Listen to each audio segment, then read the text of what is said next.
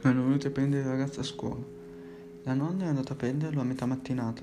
Non era mai successo neanche nella Pasqua precedente. C'era qualcosa che non andava. Le domande brulicavano nella sua mente. Domande cui cercò di non dare ascolto. Sua madre era sveglia. Sorrideva addirittura. Per un secondo il cuore gli imbalzò in petto. Forse la terapia aveva fatto effetto. Forse è stato il mostro a curare. No, gli occhi non sorridevano. Era felice di vederlo sua madre, ma era anche spaventata e triste. Era molto debole. La madre gli chiese come andasse, ma il ragazzo non rispose. Il ragazzo provò a fargli delle domande, ma la risposta era la stessa. Era finita. Fece delle domande se la terapia funzionasse, ma no, non c'era niente da fare.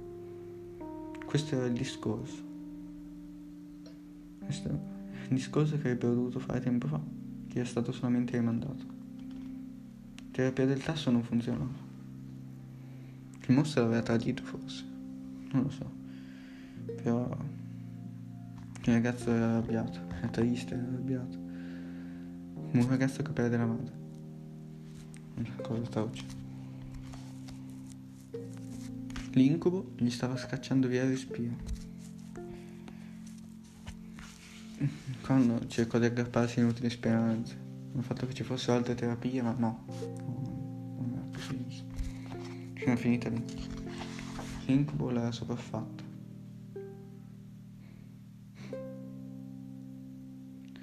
Ma la madre gli disse che poteva covare tutta la che voleva. Nessuno glielo poteva impedire, giustamente, né sua nonna né suo padre, nessuno. Quando non riusciva più a guardarlo, ma sua madre lo assicurò di non avere rimorsi, di non avere rimpianti per quella situazione, che fosse giustissimo essere arrabbiati.